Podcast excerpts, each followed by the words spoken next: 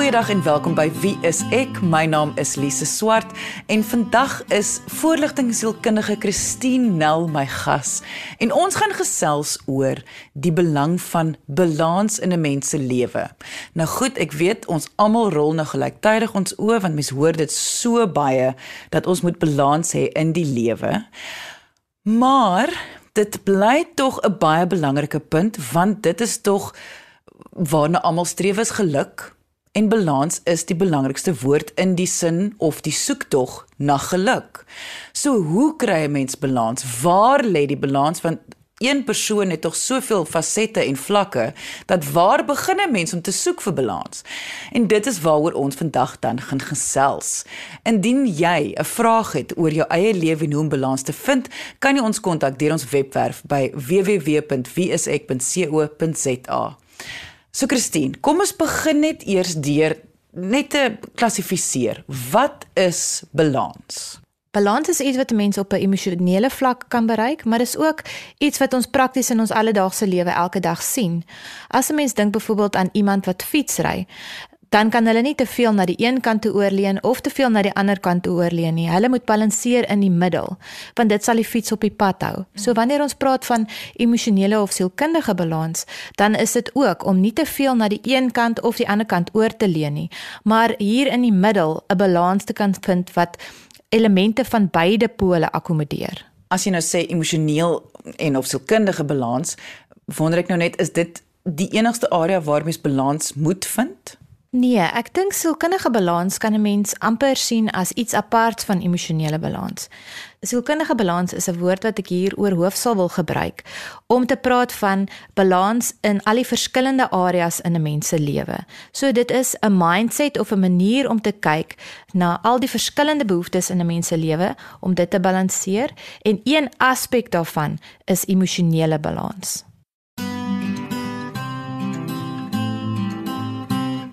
Kom ons maak dit nou 'n bietjie meer prakties of miskien 'n bietjie meer voorhand liggend en ons sit dit in spesifieke kategorieë waarmee ons almal kan identifiseer. So eh, watter kategorieë sou jy sê is die belangrikste waarna 'n mens moet kyk om balans te vind? Ons kan begin met emosionele balans en dit is om al die verskillende emosies te kan toelaat op die verskillende tye en dit te kan reguleer. Dan kyk ons ook na fisieke balans en dit sluit in om 'n mens se verskillende fisieke behoeftes te kan balanseer. 'n Mens se behoefte aan genoeg slaap, maar ook nie te veel slaap nie. 'n Mens se liggaam se behoefte aan oefening, nie te veel nie en ook nie te min nie. Dieselfde met eetgewoontes, nie te veel van iets en te min van iets anders en ook nie die alles of niks benadering nie. Dan kyk ons ook na sosiale balans om genoeg tyd volgens jou voorkeur of temperament te spandeer op jou eie, maar ook interaksie met ander mense te hê. Ons almal het het interaksie met ander mense nodig, maar die mate wat ons ehm um, daai tipe interaksie nodig het en hoe of dit een op een of 'n klein groepie of 'n groot groep is, sal verskil volgens ons temperament. Dan kyk ons ook na geestelike balans om tyd en ruimte af te staan aan 'n mens se waardes en oortuigings in jou geestelike uitlewing en ook dit te kan praktiseer of te kan uitleef en vir iemand anders iets te kan bied sonder om iets terug te verwag. En dan laastens die plek waar 'n mens betekenis vind in jou beroep, in jou studies, in jou huishouding, daar waar jy elke dag besig is, om ook balans daar te kan handhaaf, want 'n mens kan ook te besig wees of te min doen te veel doen of te min doen en en dis belangrik ook om daardie balans te kan vind. So op sommige kyk ons na vyf areas. Ons kyk na die plek waar jy betekenis vind, die plek waar jy geestelik kan uitleef. Dit is nou nie dit plek nou nie net aan aan uh, geloof gekoppel nie, maar waar jy geestelik kan uitleef, waar jou sosiale plek lê, jou emosionele en jou fisieke behoeftes lê. Dit is ons vyf areas. Nou, wanneer 'n mens praat van balans, is dit dan nou met hierdie is dit nou net dat jy moet balans vind tussen hierdie vyf areas of praat ons van balans in elke liewe area? Met ander woorde, daar moet 'n balans wees in jou fisieke area en in jou sosiale area en in die plek waar jy betekenis vind. As ons nou nou praat van die perfekte wêreld met die van die persoon wat die perfekte balans gevind het. Dis beide. 'n Mens moet 'n oorhoofse balans kan hê waar elke area sy plekkie en sy tyd en sy energie vind, maar binne elkeen van daai areas moet jy ook 'n balans vind dat jy nie te veel of te min van iets in 'n spesifieke area het nie, maar dat jy ook gebalanseerd is in daardie area. Maar Christine, jy moet tog verstaan as jy hierdie woorde spreek, dan raak mens mos nou angstig sommer net dadelik. Want wie op dese aarde gaan gaan dit mos nou regkry? Ja, nee, ek weet, dit klink baie soos pie in the sky. Mm. En is iets wat 'n mens maar moet voortdurend oefen. Soos wanneer 'n mens fiks word, is daar sekere tyd en dissipline en riglyne wat jy moet toepas om by daai doel te kan uitkom. En ek dink 'n mens kan balans sien as 'n lewensvaardigheid wat 'n mens voortdurend ontwikkel. En om die perfekte balans te kan kry, kan jou doelwit wees, hoewel dit waarskynlik net in 'n ideale wêreld bestaan. Maar wanneer ons die vaardigheid het om meer gebalanseerd te lewe, dan bevorder dit ook ons veerkragtigheid en ons draagkrag. Wat beteken wanneer ons omstandighede verander of wanneer daar dinge gebeur wat ons ontkant vang of slegte dinge gebeur, dan het ons meer interne hulpbronne om daarmee te cope. So wat jy eintlik sê is wanneer mens balans het, nou nie net in die 5 areas nie, maar ook binne in die 5 areas, het jy met ander woorde 'n 'n 'n goeie gereedskapskissie wat weet wat jy by jou kan dra wat dan vir jou gaan help om te veg teen wat ook al die lewe in jou rigting gooi. Ja, dis baie goed gesê. En dit beteken ook dat jy geleer het om daardie gereedskap te kan hanteer en dit kan toepas en dat jy behendig en gemaklik dit kan gebruik.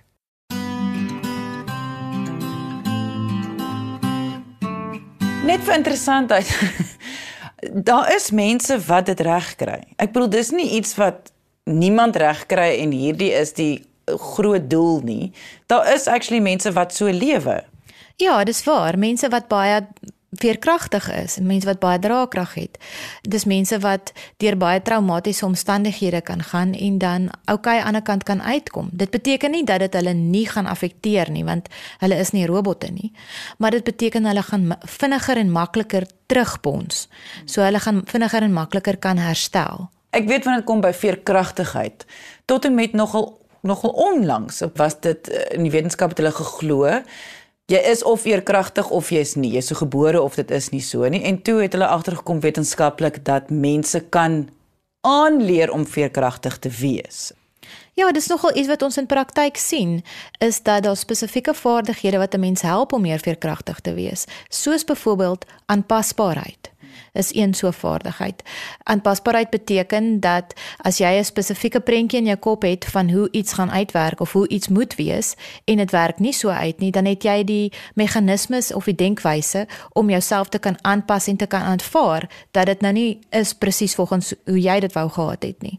Dit is 'n vaardigheid wat iemand kan aanleer. Soortgelyk kan 'n mens ook sê om balans te kan toepas in 'n mens se lewe is 'n vaardigheid wat jy kan aanleer. Jy moet eers leer wat dit is en hoe dit werk en dan moet jy dit oefen en al hoe meer toepas en so raak dit al hoe meer gemaklik en 'n later aan deel van jou lewe. Jy luister na Wie is ek op RCG 100 tot 104 FM om dit 'n bietjie meer eh, te maak dat mense kan assosieer met waarmee ons nou praat. Ek dink ons moet 'n paar voorbeelde noem van uit balans uit. 'n Voorbeeld vir my is is eh, wat ek gereeld briewe oor kry is wanneer hulle hulle hulle eh, gewig, 'n sekere gewig bereik het, dan weet hulle gaan hulle gelukkig wees en alles gaan vir hulle reg wees. So hulle hele lewe draai daaroor om of 'n dieet te volg of wat moet ek dan nou doen om hierdie gewig te bereik? Dis byvoorbeeld 'n baie goeie voorbeeld van jou balans is uit. O, Lise, jy weet ek raak altyd opgewonde as jy praat oor eetversteurings en probleme met kos en dieet. Dis 'n baie goeie voorbeeld. Ehm um, nog 'n voorbeeld kan 'n mens sê iemand wat besluit het hulle moet alle en ek wil nou nie iemand aanvat nie, maar alle suiker en stysel uitsny. Mm. Of hulle besluit in die week sny hulle alle suiker en stysel eet en oor die naweek kan hulle cheat. Mm. Dis heeltemal uit balans uit. Want wat dan gebeur oor naweke is dan haal mense in van wat hulle eintlik in die week voor lus was.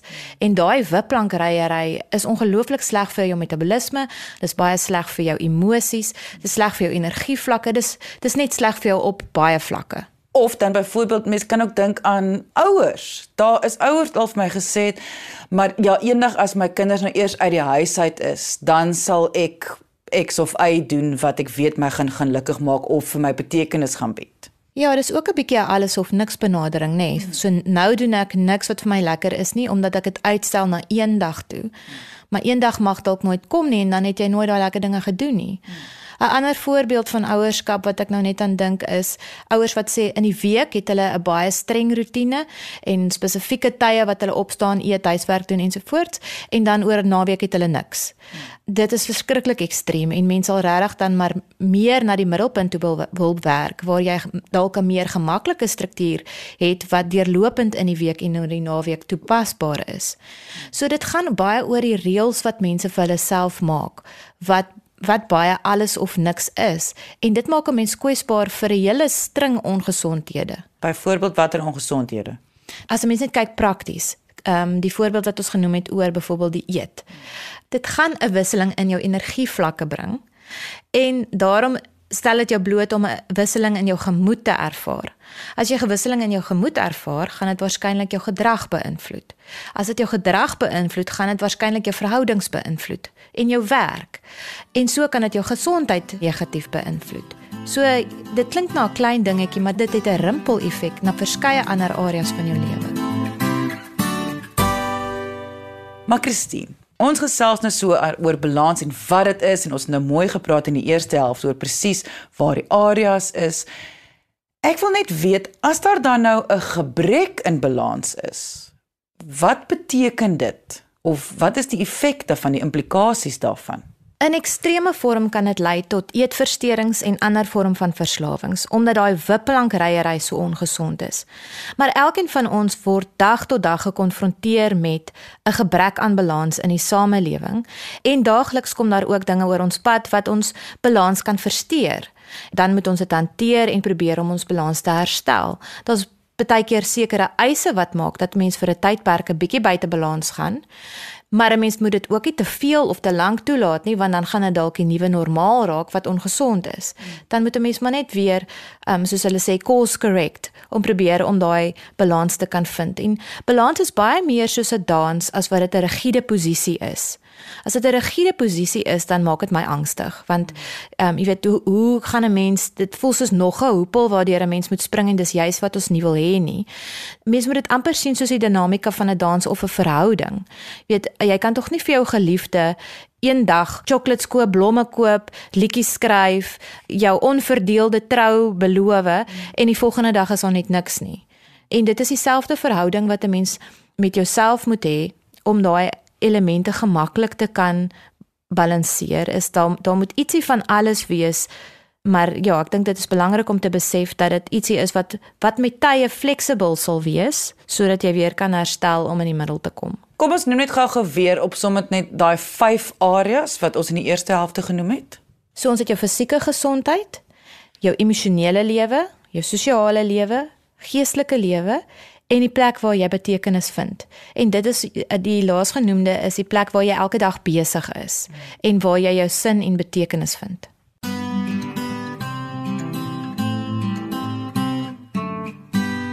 Wat is jou advies op 'n op 'n praktiese vlak? Hoe kan iemand dan nou kyk na hulle lewe op hierdie vyf vlakke en dan nou dalk ek wil nou presies so 'n plan uitwerk van hoe kan hulle dan nou vorentoe gaan. Want ek dink baie keer dink ons goed jare as die dieet of o ek moet meer vir iemand anders doen dan gaan ek beter voel. Of ek moet 'n ander beroep hê dan gaan ek nou geluk vind.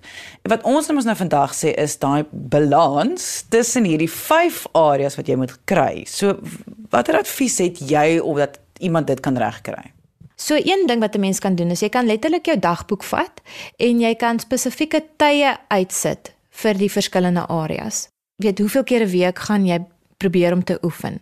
En wanneer jy daai tyd uitsit vir oefen, wat kan jy doen om dit gebalanseerd te hou dat jy die voordele daarvan kry sonder dat jy dit oordoen en jou liggaam begin seermaak. Ehm um, so selfde met die eet wanneer jy jou inkopies doen om te kyk dat jy ietsie van alles het. Ek praat nou nie van mense wat allergieë het of sensitiwiteite of ehm um, fisiese kondisies het nie. Ek praat nou van jou algemene mens om te kyk dat daar stysel en proteïene en groente en vrugte en treats en ietsie van alles is. En dan kan jy ehm um, die volgende area vat, jou sosiale interaksie. Dan kan jy kyk wanneer gaan jy tyd met jou geliefdes spandeer? Wanneer gaan jy tyd met jou familie en vriende spandeer? Wanneer gaan jy tye met jou kinders spandeer as jy kinders het of wanneer gaan jy met jou by jou bure uitkom as dit mense is met wie jy 'n verhouding het? Dis maar alles wat 'n mens moet oorweeg en dan moet 'n mens doelgerig planne maak om dit toe te pas. Dan kan 'n mens die volgende area vat, jou geestelike uitlewing. Wanneer gaan jy net op 'n praktiese vlak tyd maak daarvoor? En of jy gelowig is of nie, ons praat dan van om dit toe te pas soos wat dit vir jou is. Is dit om ietsie vir iemand te gaan doen? Is dit om om 'n tyd te hê waar jy stil is? Is dit tyd om jou geloof of jou geestelike oortuigings of jou waardesisteem met ander mense te deel? Hoe dit ook al vir jou is, dis 'n belangrike deel om voor tyd te maak. Dan die volgende deel is die plek waar jy sin en betekenis het en En omdat werk of jou huishouding as jy nie werk nie, so 'n groot deel van jou dag beslaan, is dit belangrik om baie mooi hieroor te dink. Dat 'n mens weet wat is regtig die belangrike dinge vir elke dag. As jy nou by die huis is, op maandag fokus jy op wasgoed en vinnig skoonmaak en dan het jy nog tyd om gou-gou iets anders te gaan doen. Maar jy kan nie alles in een dag inpas wat gedoen moet word in jou huishouding nie. Daar moet 'n bietjie beweegruimte ook wees. Selfs met as jy by die kantoor is. Jy kan nie vandag werk tot 12 uur vanaand toe en dan verwag jy gaan môre dieselfde kan doen nie. Dan moet 'n balans wees in terme van jou toewyding aan jou werk. Dan moet tyd wees vir werk en tyd wees vir rus. Wanneer jy werk, moet jy werk en produktief wees. Maar vat my jou teetyd, vat my jou etenstyd en probeer om nie te veel oor tyd te werk nie. Ek weet dit is nie altyd vir mense baie maklik nie, maar dit is tog die goue ideaal oortyd is 'n realiteit. Jy kan nie altyd jou familie sien nie, dit is 'n realiteit. Jou vriende is nie altyd beskikbaar nie, dit is 'n realiteit. Om gesond te eet elke dag van jou lewe is ook nie heeltemal realisties nie, dit is 'n realiteit. Maar ek neem aan wat ons vandag sê is wanneer iets dan nou nie uitwerk nie, moenie opgee nie en probeer dit dan op 'n ander manier opmaak daarvoor. Ek wil net gou-gou sê gesond eet is in ons terme nie die algemene manier om daarvan te praat nie. Ons praat van gebalanseerd eet. Want as ons sê gesond eet, dan dink mense hulle mag nie koek eet nie. Ons wil hê mense moet koek eet. Hulle moet net nie elke dag by elke ete koek eet nie. So gebalanseerd eet. Jammer dat ek nou daar in jou sop inval. Maar dit is mos nou maar een van my areas wat ek ba baie passief oor is. Maar ja, soos jy sê, jy moet vir jouself ruimte gun om te kan korrigeer reageer. Wanneer jy 'n bietjie meer na hierdie kant toe gegaan het om dan weer tyd in te ruim om op te maak daarvoor, sodat jy probeer om in die middelarea jou balans te vind. En en soos ek voor, vroeër verwys het, dit is maar 'n dans. Dis nie 'n rigiede posisie waar jy altyd gaan vas staan nie en die lewe gebeur.